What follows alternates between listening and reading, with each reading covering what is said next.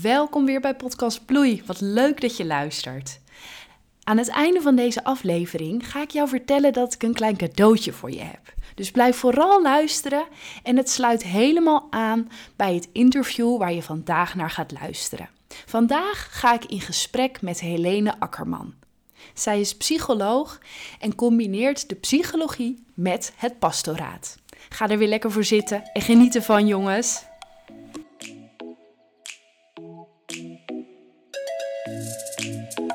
Mijn naam is Roosje de Vries en ik heb het verlangen om dicht bij God te leven en wil je graag inspireren om hetzelfde te doen.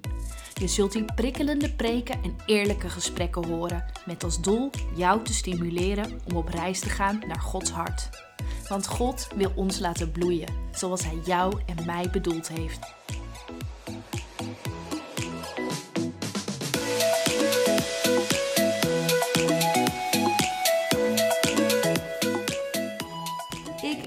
Hier met Helene Akkerman in Alphen aan de Rijn. Zij combineert psychologie en geloof met elkaar. Dus dat leek me een mooi startpunt voor een interessant interview voor Podcast Bloei. Welkom voor de microfoon, Helene. Dankjewel.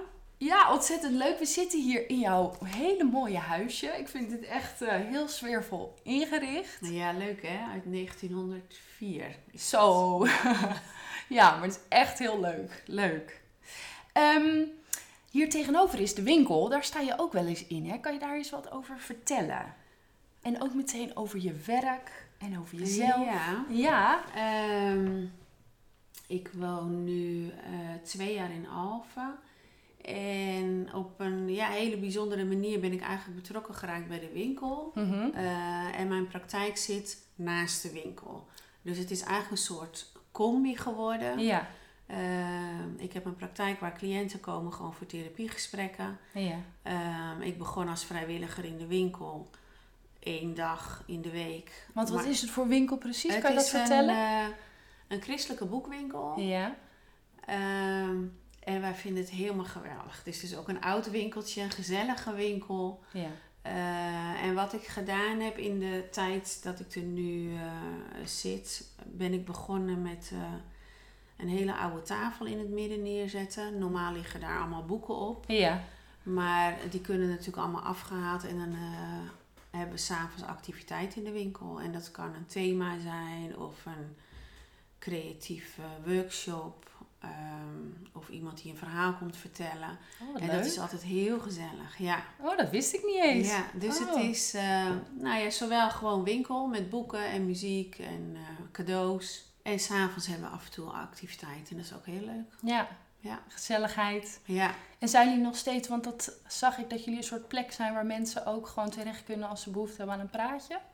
Ja, dus we hebben ook een, eh, behalve die grote tafel waar we dan de workshops aan doen, is er ook een koffietafel in Ja. de winkel. En mensen kunnen altijd gewoon langskomen voor een kopje koffie. Nou, gezellig. Ja, Dus wees welkom, jongens. ja.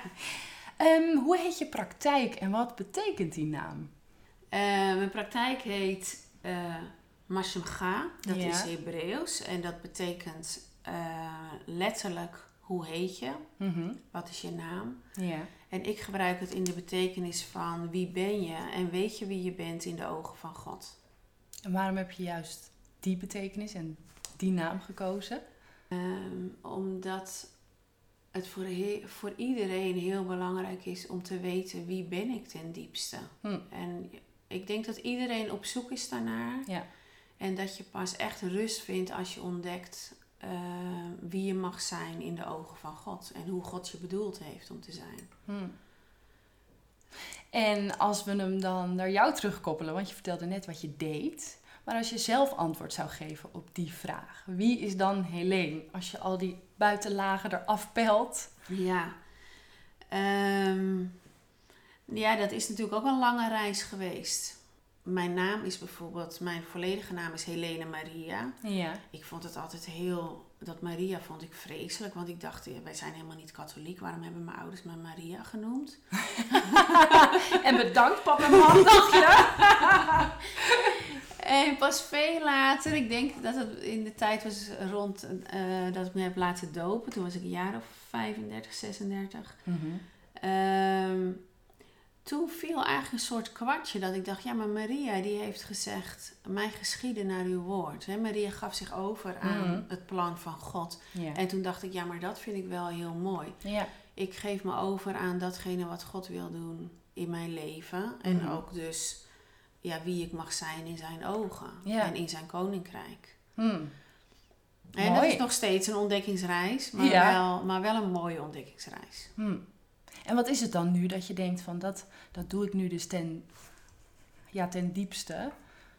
Wat, Eh, ja, ten diepste is het relaties met mensen opbouwen en daarin mensen leren dat ze kostbaar zijn, dat ze geliefd zijn, hm. eh, dat ze mogen zijn wie ze zijn. Ehm, dat vooral. Ja, want wat ik ook op je, op je site zag, je geeft ook een cursus Leven in Relaties. En daar is die, die basis waar jij het net over hebt, ja, weten wie je bent, denk ik ook heel erg nodig. Ja, Ehm, de cursus is bedoeld voor iedereen die wil werken eh, ja, aan betere vriendschappen en relaties in hun leven. En eh, je omschreef heel herkenbaar, ik moest er lachen. Heb je genoeg vrienden bij wie je ja, je thuis voelt en die alles van je mogen weten? Of kun je je soms verloren voelen, zelfs op druk bezochte feestjes? Zijn er altijd genoeg mensen om je heen, maar blijven ja, de contacten toch wat oppervlakkig? Voel je je soms eenzaam en verlang je naar echte, hechte vriendschappen? Wat is een belangrijke oorzaak dat er weinig diepgang daarin is? Is daar een samenhang in wat je dus net zei, dat je ten diepste weet wie je echt bent? ja, ik heb heel lang gedacht, ehm, ik heb God en ik heb de Bijbel en Ja. dat is genoeg. Ja. En het heeft een tijdje geduurd voordat ik besefte, nee, het is niet genoeg. Want we hebben elkaar ook heel erg nodig. Mhm. En ehm, door het, mijn werk als psycholoog heen heb ik ontdekt in de afgelopen jaren hoeveel eenzaamheid er is. Ja. Hoeveel mensen zich eenzaam voelen. Ook al zie je dat niet aan de buitenkant. Hè? Iemand kan een enorme feestvierder zijn, bij wijze van spreken. En altijd mensen om zich heen hebben, maar Ja. zich toch eenzaam voelen. Eh, en dat heeft te maken met, voel je je echt gekend? Weet je dat je gekend bent en dat je mag zijn wie je bent? En ehm, ja, doordat ik dat steeds meer ging zien, ben ik die Mhm. cursus gaan schrijven. En eh, daar heb ik verschillende ook themadagen over gehad. Ja. Mensen leren eigenlijk wat is vriendschap. Er zijn heel veel boeken geschreven over het huwelijk Mhm. binnen de christelijke wereld. Ja. Ehm, en dit is een thema wat eigenlijk veel minder eh, aan de orde is gekomen, terwijl het wel heel belangrijk is. Maar wat is er voor nodig? Welke basis is er nodig om echt die diepte met iemand, met een vriendin of vriend in te Ja. duiken? Ehm, nou, vertrouwen is natuurlijk heel belangrijk, maar vertrouwen Mhm. moet opgebouwd worden. Dus op het moment dat je een relatie met iemand gaat opbouwen, Ja. dan ga je een stukje van jezelf laten zien. Ja. En, en op het moment dat de ander daarop reageert, door ook een stukje van zichzelf te laten zien, Mhm. eh, kun jij weer een volgende stap zetten. Maar op het moment dat jij kwetsbaar durft te zijn en Ja. jezelf, hè, iets van jezelf laat zien naar de ander, maar de ander reageert er niet goed op, Ja. Dan trek je je eh, terug. Ja, dan, trek. Je, dan is het niet veilig. Dus dan is het heel lastig om die relatie te gaan verdiepen. Dus het is ook wel zoeken naar, nou, aan wie durf ik mij te geven en wat is gezond, wat zijn gezonde relaties. Ik Ja. heb ook wel mensen in therapie gehad die zeiden, ja, nou, ik heb een vriendin en die, eh, als ik zie dat ze me belt, dan neem ik gewoon af en toe niet op hoor. Want eh, dan zit ik zo lang met haar aan de telefoon. Ik heb er gewoon geen tijd voor. Ehm, en dan aan de hand van die verhalen, Ja. eh, dan denk je van ja, maar is dit wel een vriendin? Hm. Hè, wat is dit voor vriendschap? Is Ja. dit wat jij wil? Ja. En durf je wel eerlijk te zeggen wat je wil zeggen naar de ander toe? Mhm. Of gebeuren er allerlei dingen waar niet op een gezonde manier grenzen worden aangegeven? Maar dat is best lastig. Dat is heel lastig. Want je wil, want waar je het net over had, je wil die ander niet kwetsen, want dat verwijdert. Maar tegelijkertijd moet je dus gezond grenzen aangeven. Alleen, hoe, ja, ik vind dat zelf ook soms lastig. Mhm. Hoe doe je dat zonder die ander dan daarmee te kwetsen? Nou, daar begint het al mee. Dat moet je loslaten. Wat? De angst Als- om iemand anders te kwetsen? Ja, als jij gezonde grenzen wil hebben, dan weet je dat je af en toe iemand zal kwetsen. Hm. Maar of de ander zich gekwetst voelt, ja of nee, Ja. heeft met die ander te maken en niet met jou. Even heel eerlijk, want Ja. ik denk, nee, het is wel lekker makkelijk. Eh, eigenlijk een soort van, het is echt makkelijk. Maar, en aan de andere kant denk ik, ja, dat is lekker makkelijk. Zo van, je hoeft niet echt met die ander dan... Het lijkt de makkelijkste weg. Ja. Alleen uiteindelijk kost het je heel veel energie, want je raakt jezelf kwijt. Ja. Je gaat je aanpassen aan wat je denkt dat de ander wil horen. Ja, Dus je gaat op je tenen lopen. ja. Je gaat eh, naar een feestje waar je helemaal geen zin in hebt, maar je durft geen nee te zeggen. Dus het lijkt de makkelijkste weg, maar uiteindelijk eh, kost het je heel veel. Ja. Ehm, Als je dat niet zegt. als je dat niet doet, ja. Ja, ja. En het grootste voorbeeld voor ons daarin is het leven van Jezus. Dat vind ik zo geweldig, dat we gewoon kunnen teruglezen hoe hij hier op aarde liep. Hm. En hoe hij op een gezonde manier zijn grenzen aangaf. Maar dat hij soms ook dingen zei waar mensen door gekwetst werden. En hij dacht niet, nou, ik zeg dat maar niet, want ik denk dat, dat ze het niet leuk vinden om dat te horen. Kan je een, een heel concreet voorbeeld geven uit de Bijbel? Wat voor Ja. jou eruit springt? Nou, de mooiste vind ik dat hij ehm, in een huis is waar het heel vol is. Want eigenlijk overal waar hij kwam, kwamen mensen op hem af. Eén, omdat ze zich veilig voelden bij hem. Hij veroordeelde niemand. Nee. En hij had iets te geven.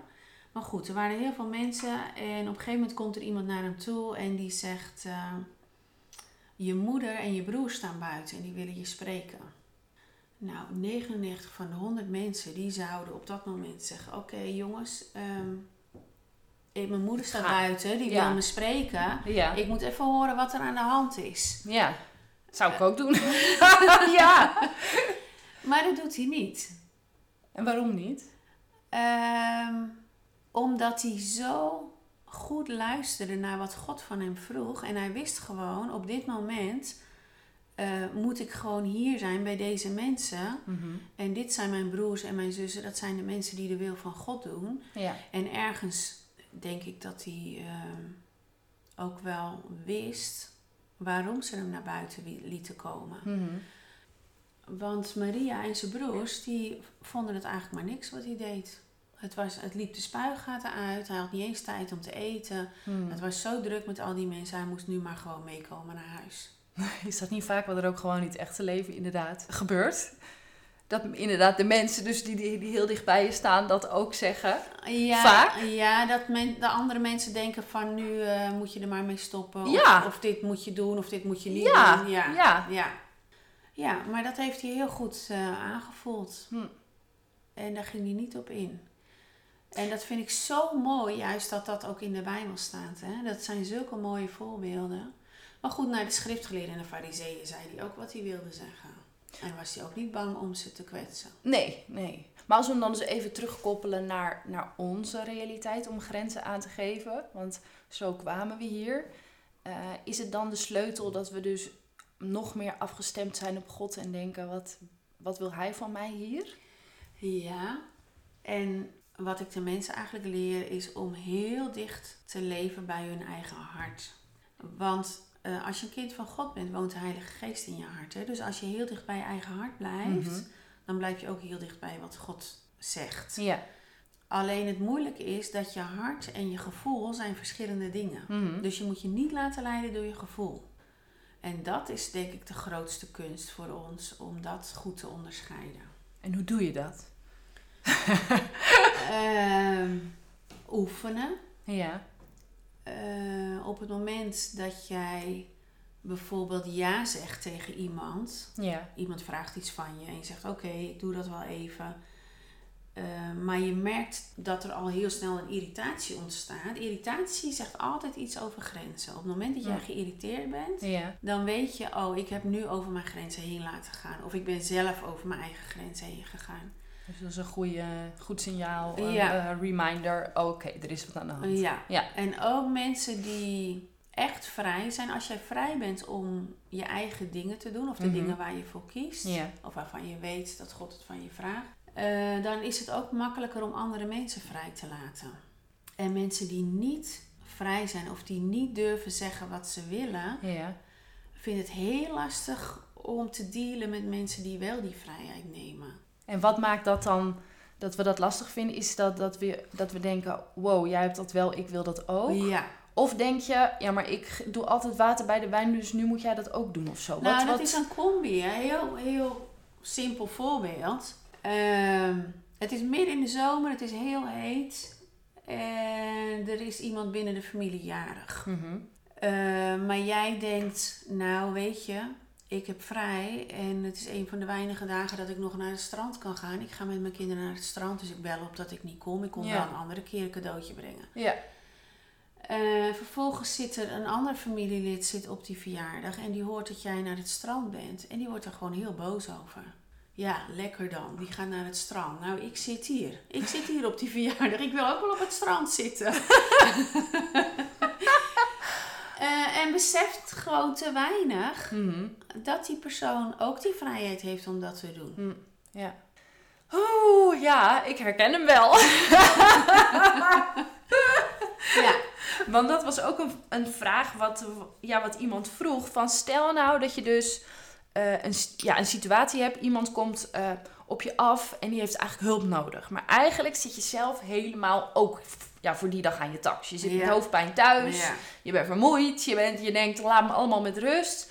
Maar het is best wel een hoge nood. Mag je daarin dan je eigen grens zeggen van... Oké, ik ga nu niet aan iemands vraag tegemoetkomen. Want ergens is mijn gevoel dan juist... Ja, maar dit is wel een uitzonderlijke situatie. Dus dan moet ik voor deze keer wel over mijn grens gaan. Als het wat minder urgent zou zijn... dan zou ik misschien het durven te zeggen... Nou, dat komt nu niet uit. Nou, ik vind het leuk dat je het woordje durven gebruikt. Mhm. We laten ons of leiden door angst of schuldgevoel, Ja. of door de Heilige Geest. Zeg hem nog eens.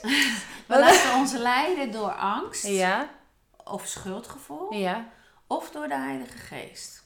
Op het moment dat er iemand bij jou komt die in nood is, terwijl jij zelf eh, met hoofdpijn thuis zit en je hebt het al veel te druk, dus je kan het er helemaal niet bij hebben, maar je gaat het toch doen, Mhm. omdat je bang bent Die anderen Dat- te kwetsen. Dat je de ander kwetst. Of Ja. dat je misschien wel bang bent dat God boos op je wordt als je het niet doet. Of je gaat je schuldig voelen als je het niet doet. In feite zondig je dan als je het wel doet. En dat is iets wat voor heel veel christenen heel gek is. Ja, het klinkt heel tegenstrijdig. Huh? Ik geef heel vaak het voorbeeld als ik ehm, zeg maar uit mijn werk vandaan naar huis loop en ik Mhm. kom een buurvrouw tegen en die buurvrouw zegt: Oh, ik heb net even een pannetje soep gebracht bij de buurman, want die heeft zijn been gebroken en die kan helemaal niet naar de winkel. Ja. En ik denk: Oh, grut, ik heb er nog helemaal niks aan gedaan. Nou, weet je, ik ga, ik ga morgen ook maar gewoon even wat eten brengen. Ja. En ik doe dat omdat ik anders bang ben dat ik niet een leuke buurvrouw ben of omdat ik me anders schuldig ga voelen. Mhm. Ehm, dan zondig ik. ik kan, Mm. En zondigen in de zin van, eh, je kan een doel missen. En daar is ook een heel mooi voorbeeld in de Bijbel Mhm. ehm, van Jezus die hoort dat Lazarus ziek is. Ja. En opnieuw zouden 99 van de 100 mensen zeggen, jongens, ik krijg nu bericht dat een goede vriend van mij ziek is. Ik ga. Hè, je weet dat je er iets aan kan doen. Ja. Ik ga er naartoe en Mhm. eh, ik neem wel weer contact op wanneer ik weer bij jullie terugkom of zo. Maar hij doet het niet. Hij gaat niet. Omdat hij heel goed luistert naar wat God wil. Mm. En God had daar een plan mee. En dus goed doen Ja. is datgene doen wat God van je vraagt. En dat is niet wat wij heel snel invullen als wat goed doen Ja. lijkt te zijn. Wat de christelijke norm is. Ja, ik heb wel eens een, eh, een vrouw jaren geleden in therapie gehad. Zij was christen en haar zus niet. Ja. En zij had echt het idee dat ze moest klaarstaan voor die zus. Die had problemen, maar dat kostte haar wel heel veel energie. Ja. Maar ja, en ze zei ook: Ja, weet je, ik ben christen. Dus ik vind dat ik dat moet doen. Hm. Ik moet een goed voorbeeld daarin zijn. Of ik wil laten zien ehm, Liefde van God. dat de liefde van God. Ja. En op een gegeven moment heb ik tegen haar gezegd: Maar weet je, je kan God ook voor de voeten lopen. Hè? Het kan ook heel goed zijn dat pas als jouw zus echt niet meer door jou geholpen wordt en in nood komt, dat ze het dan pas gaat uitroepen naar God. Mm. Mm. ja, dat is dat is een hele goeie. Ja, ja. Wat zei ze toen? Nou, dat was wel een, eh, Een een bommetje. soort, eh, ja. Ja. Ja, maar dat is ook wel, weet je. We hebben natuurlijk best wel in ons hoofd een beeld... wat er waarschijnlijk inderdaad van ons ja, verwacht wordt. Ja, ja, En dat we daar dus vaak inderdaad heel erg in gaan bewegen. ja. En je gebruikte net het woord eigenlijk. Ja. Je zei dus kwam iemand aan de deur of die had, eh, was in nood. ja. Maar ik had het eigenlijk veel te druk al en ik had hoofdpijn. Op het moment dat je het woord eigenlijk, eigenlijk is niks. Op het moment dat je eigenlijk gebruikt, Ja. bedoel je iets anders of zeg je iets anders. En wat, wat bedoelde ik nu dan, denk nou, nou ik, het, het maakt het krachtiger. Mhm. Misschien dat ik het zo moet zeggen. Het woordje eigenlijk moet je weglaten. Hm. Dus als je zegt, eigenlijk heb ik geen zin. Ja. Je hebt gewoon geen zin, punt. Je hebt gewoon geen zin, punt. En dat mag. Ja, maar als je zegt, eigenlijk heb ik geen zin. Maar ik ga toch maar, want... Ja. Ja, ja, ja.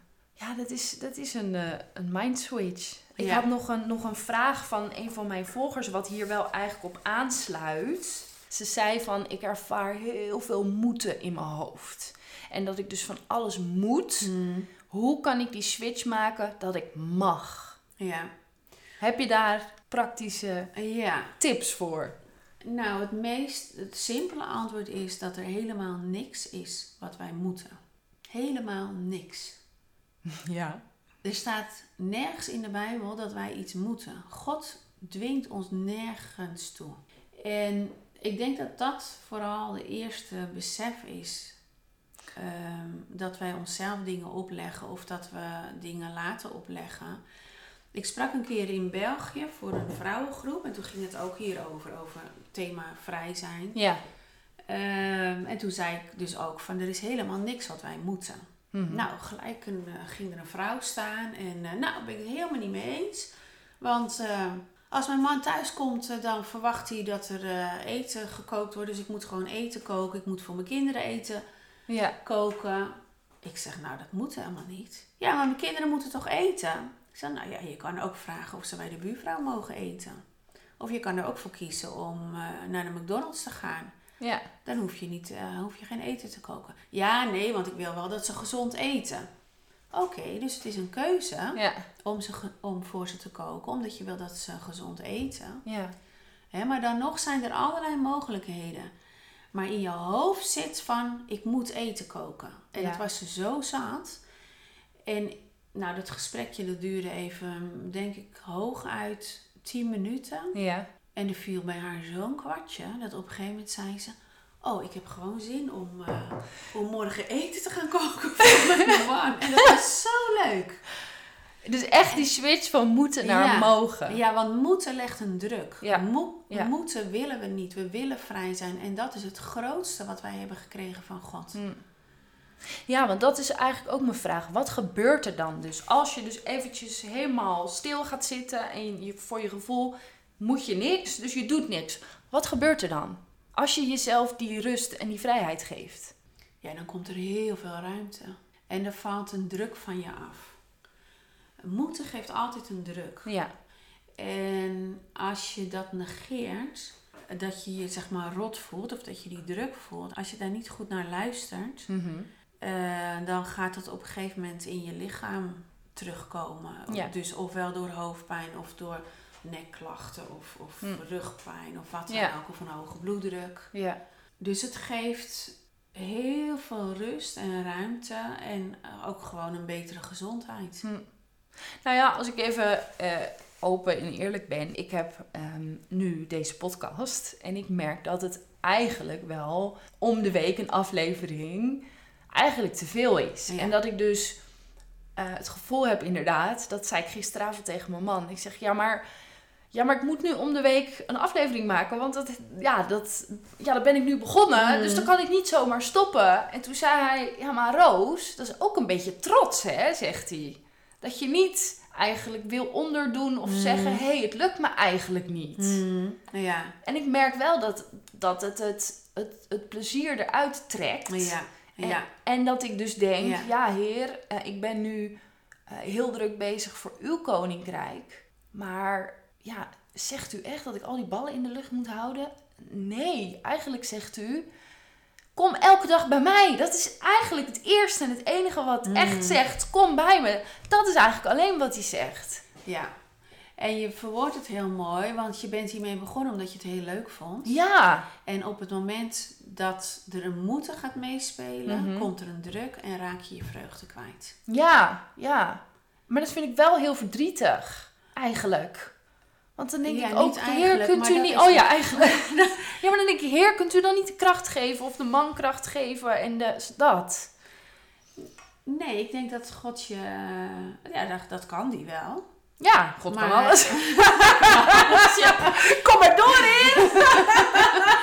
Maar wil je iets leren? Ja. Waarom doe je het inderdaad? En eh, ga weer terug naar dat genieten. Ja, Ga heel goed luisteren. Leef, hè, dat is natuurlijk een, een heel belangrijk principe van God. Leef bij de dag. ja, En luister, God, wat moet ik vandaag doen? ja. En dat ik hè, de afgelopen periode zoveel podcasts gemaakt heb in zo'n periode. Wil niet zeggen dat ik in de periode die voor me ligt ook weer zoveel moet Nee, produceren. nee, Ik ga heel goed naar u luisteren. ja. En heel goed dus naar je eigen hart luisteren, hè? want dat Mm. ben je kwijtgeraakt. Ja, trouwens, over God de ruimte geven gesproken. Ik had laatst een keer, dat is wel grappig om te vertellen. Toen, ehm, toen was ik aan het wandelen en er was een man en, en die zat daar op een boomstronk in zijn eentje. En ik liep er langs en ik had echt het gevoel dat God zei... Ja, je moet eh, met hem gaan praten. Maar ik dacht, ja, ik ben een vrouw en ik wandel hier in mijn eentje. Dus ik liep een heel en door in zijn gezichtsveld. En toen dacht ik, nou, weet ik veel, 200 meter en ik moet echt terug. Ik denk, ik denk, oh heer, dan ziet hij me dat hele end weer teruglopen. ik denk, dat is toch ook een beetje debiel. Dus nou, ik ging, eh, ik ging naar hem toe en ik, eh, en ik sprak hem aan. En eh, ik vroeg twee vragen en die man die zat meteen te huilen. Oh. En die begon zijn verhaal te vertellen over zijn kinderen, over zijn ex-vrouw, over de pijn. En toen heb ik uiteindelijk gevraagd, joh, zou ik voor je mogen bidden? En dat vond hij heel bijzonder. En toen zei hij, ja, dat ga je dan zeker thuis doen, hè? Ik zeg, nee, gewoon hier op deze boomstam. en hij, oh echt? Ik zeg, ja hoor. Ik zeg, als je, ja, als je je er geen bezwaar tegen hebt. Nou, hij vond het zo bijzonder. En dat ik dan denk, oh heer, ik had bijna doorgelopen. Nou, ik was doorgelopen. Ja, ja. En dan denk ik, zoiets moois. Ja. En dan ben ik daar getuige van dat hij dat door mij heen wil doen. Ja. ik vind dat wel een feestje. Ja, dat ik nou, denk, maar dat is natuurlijk geweldig. En wat je niet gedaan hebt op dat moment, je hebt je niet laten leiden door angst. Nee. Je hebt je laten leiden door de Heilige Geest. Nou, ik voelde hem wel door de angst. Mijn hart ging Ja, wel echt dat ja, ik dacht, oh. Ja, je voelt het wel, maar je laat je er niet door leiden. Nee. En dat is, dat is wandelen in geloof. Ja, En dat is natuurlijk geweldig. Ja. Is het spannend? Het is altijd spannend. ja, God vraagt altijd dingen waarvan we denken, oh Heer God, moet dat nu? Of uh, kunt u niet iemand anders vragen? ja. Ja. En wat gebeurt er als we, als we dat doen? Als we het dus, eh, als we het aan ons voorbij laten gaan? Als je wel eens doorgelopen bedoel Ja. je? Nou ja, als we dat dus consequent doen. Kijk, die ene keer snap ik. Ja, dan loop je door en heeft die man niet dat Mm. gebed en die aandacht gehad die God hem wilde Ja, geven. Ja. Maar als je dat consequent doet, dat je zegt: nee, dit, Heer, laat dit inderdaad aan mij voorbij gaan. En, Nou, ik denk dat je steeds minder goed de stem van God gaat verstaan. Mhm. Als je het heel lang negeert. Ja, en het koninkrijk van God wordt niet zichtbaar. Ik bedoel, je wordt er zelf ongelukkig van. Ja, Maar ehm, als het zout zijn kracht verliest, dan deugt het nergens meer toe. nee. Dus eigenlijk kom out of your comfort zone Ja, en doe wat God van je vraagt. ja. makkelijker gezegd hoor dan gedaan. ik ben ervan overtuigd dat ik nog heel veel dingen mis. Ja, Maar de keren dat het wel, dat je wel echt luistert naar de stem van God en daarnaar handelt. En wat er dan gebeurt, dat is zo geweldig en bemoedigend. Voor jou ook. ja. Heb, je, heb, heb je zelf een concreet voorbeeld? Ja, nou dat was de week voor Pasen. Ja. Was ik in de winkel. eh, stond ik achter de kassa en eh, wij beginnen altijd met gebed. Ja. Dus ik had gebeden, nou Heere God, eh, breng vandaag de mensen maar die een goed gesprek nodig hebben. Hier ben ik. En een half uur later komt er een, eh, een oud mannetje komt binnenlopen. Ja. En ik raak heel snel met hem in gesprek. En hij stond ook gelijk te huilen. En eh, zijn vrouw overleden. Een heel verhaal. Ja. Eh, dus we gingen koffie drinken in de winkel aan de koffietafel. En nou, hij vertelt zijn verhaal. Hij was gedoopt toen hij, ik geloof 81, op zijn 81ste nog laten dopen. Maar hij ging al een tijdje niet meer naar de kerk. Ja. En toen zei ik, eh, nou volgende week is het Pasen, ga je dan ook niet naar de kerk? Nee. Ik zeg maar, wil je dan een keer met mij mee? Dan ga je gewoon een keer met mij mee naar de kerk. Dus ik heb hem meegenomen. Ja. Nou, een heel verhaal, maar hij vond het zo bijzonder Mhm. wat er gebeurde. Ik zeg, ja, maar ik heb daarvoor gebeden vanochtend. En toen zei hij, ja, weet je, ik reed voorbij de winkel in mijn scootmobiel. Ja. En ik was twee straten verder. En toen was het een, alsof een stem zei, je moet weer terug, je moet naar die winkel. en toen is hij zo ja, bij mij terechtgekomen. En nu komt hij nog wekelijks komt hij koffie drinken. Echt waar? Ja. Oh, wauw. Ja. Dus dan mag je echt een lichtend licht zijn. Ja, Ja. en we zijn inmiddels op televisie geweest bij eh, Nederland Zingt Dichtbij. En we staan in de krant. Om dit En, verhaal eh, te delen? Ja, ja. Oh, wat we zijn- ja. en ik heb een boek geschreven voor Art Mission. Daar komt zijn verhaal, er staat zijn verhaal dus ook in. Oh, bijzonder. Dus het is zo leuk wat dat... Weet je, dat ene gebed Ja. en het feit dat hij terugkwam naar de winkel... en wat daaruit voortgekomen is in het afgelopen jaar. Dat is zo bijzonder. Maar dat is Gods werk. Hm. Ja. Ja, en er zit denk ik dus een, een indirecte zegen aan vast. Het is niet zozeer dat je, dat je er toen op uit was, maar indirect verwarmt het ook onze harten Ja, om, om dat ja. te zien. ja. Dus dat is wel, eh, dus ja, dat, dat ontneem je jezelf dus eigenlijk. Ja, zeker. Als je daar dus aan voorbij gaat. Ja. Ja. ja, want ik bedoel, een groter avontuur dan leven met God is er niet. Je kan het niet plannen. Er gebeuren allemaal dingen die je zelf niet had verwacht. Nee. Ehm, zijn er punten waarop het geloof en de psychologie met elkaar botsen? Zijn er dingen die bijvoorbeeld eh, psychologen die bijvoorbeeld niet gelovig zijn, dat die heel iets anders verkondigen dan wat de Bijbel zegt? Eh, nee, ik geloof dat alles wat werkt eh, ook op de een of andere manier terug te vinden is in de Bijbel. In de zestiger jaren van de vorige eeuw Ja. was er een psycholoog en die dacht dat hij het ei van Columbus had uitgevonden. Dus die, heeft, eh, die zei, weet je wat er in ons hoofd gebeurt is heel belangrijk. Mhm. Want het heeft gevolgen voor hoe we ons voelen en hoe we ons gedragen.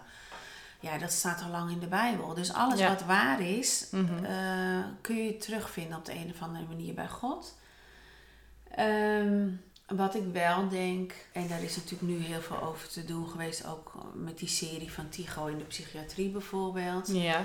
Ik denk uiteindelijk ehm, zijn we in de, in de psychiatrie en in de psychologie veel te ver afhankelijk geworden van medicijnen. En, Mm. en weten we niet alle antwoorden en proberen het maar op te lossen met medicijnen. Terwijl daarmee druk je het eigenlijk naar beneden. Ja, en dat is lang niet altijd de oplossing. Weet je, het Nee. kan goed zijn voor een periode, Ja. eh, maar dat is wel uit de hand gelopen. Hm. Dat zijn uiteindelijk niet de oplossingen die nodig zijn. Nee, want hoe, hoeveel procent van Nederland slikt antidepressiva? Nou, dat is hoog? vreselijk, ja. Ja. Dat is, heel, oh, dat is enorm hoeveel mensen er eh, aan de pillen zitten. En dat is eigenlijk jammer En als voor de bij- mensen die het echt nodig hebben. Ja, en als het bij één pil blijft, dan is het nog wat. Maar Mhm. het wordt vaak een heel bataljon van pillen. Heftig. Ja, Ja. maar goed, eh, een psycholoog mag geen medicijnen voorschrijven. hè. Dus dat, psychiater, ja. dat speelt niet in mijn geval. Nee. Maar eigenlijk wordt dus alles naarmate de jaren verstrijken, eh, dat er nieuwe dingen worden ontdekt, terwijl in de Bijbel stond het al lang. Alle dingen die werken, die zijn niet in tegenspraak met de Bijbel. Oké. Ja. Dus maakt het dan ook verschil uit of je naar een christelijke therapeut gaat of niet? Nou, dat ligt een beetje aan eh, wat er speelt. Kijk, een, een, een niet-christelijke psycholoog kan iemand heel ver op weg helpen om gezond in het leven te staan. Ja. Hè? Echt heel ver. Ja. Ehm, en ik kan dat ook. Ik kan iemand helpen om op een goede manier in het leven te staan. Maar Mhm. als, als dat 80 jaar is en de persoon komt te overlijden en gaat vervolgens voor de eeuwigheid verloren, dan wil ik liever die persoon meer meegeven dan alleen maar wat de reguliere psychologie kan doen. Ja. En daarom ook dat ik een praktijk heb waarin ik de psychologie en het pastoraat combineer. Ja. Um, Helene, heb jij nog iets wat je wilt toevoegen? Dat je zegt, dat wil ik graag delen. Hier zie ik dat, dat mensen in mijn praktijk heel vaak tegen aanlopen. Dat je zegt, dat is echt een Ehm. waardevolle les. Ja, nou, misschien eerst, en dat zeg ik helemaal niet om reclame te maken voor de winkel, maar wel, ik zeg altijd, mensen die lezen hebben een voorsprong op mensen die niet lezen. Hm. Er zijn zoveel goede boeken over heel veel onderwerpen waarin je, hè, ook als het gaat om grenzen aangeven of hè, manipulatie, dat betekent ja, dat je je laat sturen door anderen of dat je je laat manipuleren door anderen of Mhm. dat je dat zelf ook de neiging hebt om dat te doen. Ja. Eh, je kunt zoveel leren van goede boeken. Eh, dus gun het jezelf om Mm. goede boeken te lezen, daar met mensen over te praten. Maar gun het jezelf soms ook om een paar gesprekken te hebben Mm. eh, bij een therapeut. Ik doe het zelf ook. Ja, Ja, ik vind het heerlijk. ik ook hoor. En het is een cadeautje voor jezelf. Ja, ja. Dus ja, en, en weet je, stop niet met leren. Stop niet met denken van ik ben wie ik ben en daar moet ik het maar mee doen. Ja. Nee, je kunt altijd groeien. Ja. En je kunt altijd veranderen. Ja. En tegelijkertijd denk ik ehm, dat mensen onderschatten dat een groeiproces en veranderingen, dat daar heel veel tijd overheen gaat. Heel veel tijd en moeite. En... Ja, echt. Ja, Eh, ja. We willen graag dat grasprietje zo uit de grond trekken. Het liefst vandaag, ja. Eh, maar laat hem met rust. Hij groeit vanzelf. Ja. En je ziet hem niet groeien, maar hij groeit wel. En ja, ik denk dat dat... ehm, ja, dat we ons daarbij moeten neerleggen in die zin. Dat er gewoon tijd overheen gaat. ja. Tijd voor jezelf en tijd met God daarin. Ja. Ik wil je heel erg bedanken voor, eh, voor je tijd en voor het mooie gesprek. En eh, ik hoop dat het ja, tot zegen gaat zijn voor heel veel mensen. Nou ja, dat hoop ik ook. Ik vond het super leuk om je te spreken. En eh, wij kunnen nog uren praten. Ja. ja, Ja. maar, heel erg leuk om te doen. Ja, super. Dankjewel voor je tijd. Ik waardeer het heel erg. prima. Stop, ga vooral nog niet weg. Ik heb namelijk iets superleuks voor je gemaakt. Naar aanleiding van deze aflevering, waar het toch ging over hoe je kan ontmoeten, je ontdoen van alle dingen waarvan je het gevoel hebt dat je ze moet doen.